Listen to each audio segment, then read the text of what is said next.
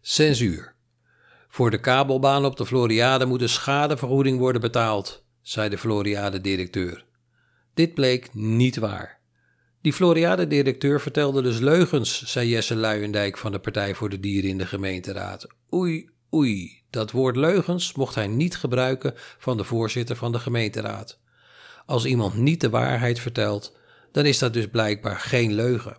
Sterker nog, de Floriade-wethouder vond het ook geen leugen. Die vond de uitspraken van de Floriade-directeur onhandig.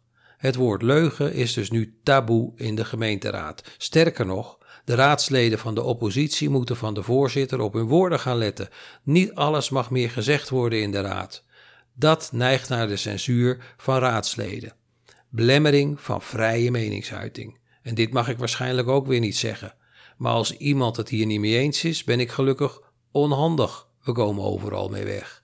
De hamvraag blijft natuurlijk: wat mag een raadslid nu nog wel of niet zeggen? Die moet zijn woorden op een goudschaaltje gaan wegen, waardoor raadsvergaderingen uiteindelijk pure fictie worden.